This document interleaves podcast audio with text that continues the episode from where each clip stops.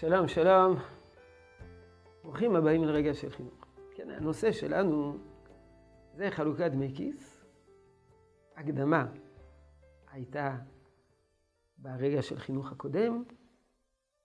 אמרנו שבשביל להבין האם נכון לחלק דמי כיס או לא, אנחנו צריכים להבין את ה...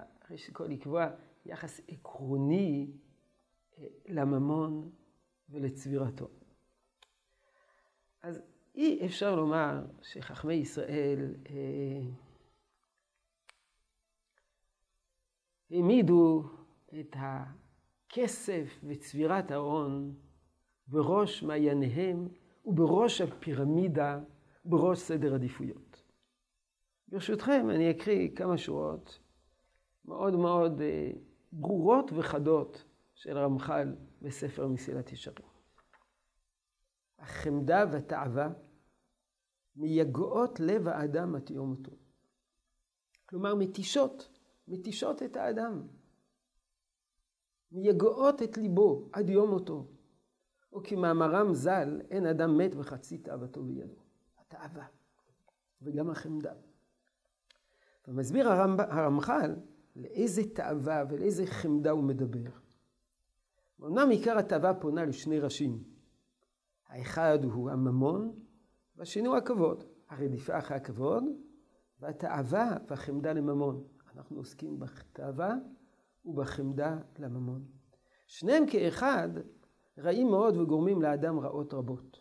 הנה, חמדת הממון היא האוסרת, הכובלת, אותו במאסר העולם, ונותנת עבודות העמל והעסק על זרועותיו. זאת אומרת, האדם בשביל לצבור ממון, הוא כבול אה, בצורה מאוד מאוד מהודקת לעבודה, לפרנסה.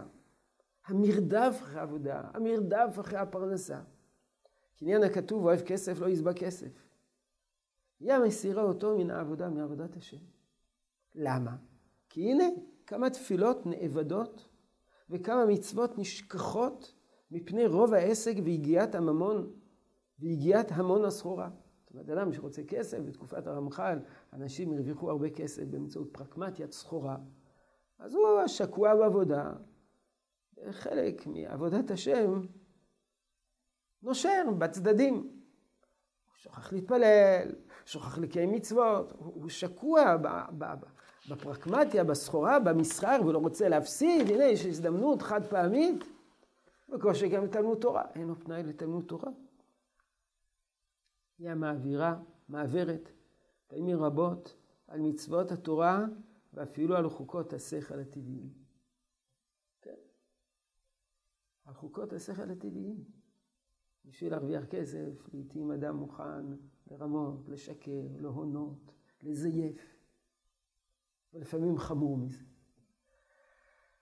לכן מה שאנחנו מכנים אהבת הכסף, צבירת הממון, נקרא בפי הרמח"ל חמדת הממון עם כל אה, השלילים, הצד השלילי שבה. נסיים היום בפתגם ידוע ומפורסם, אפילו התחבר עליו שיר, אדם דואג על איבוד דמיו ואינו דואג על איבוד ימיו.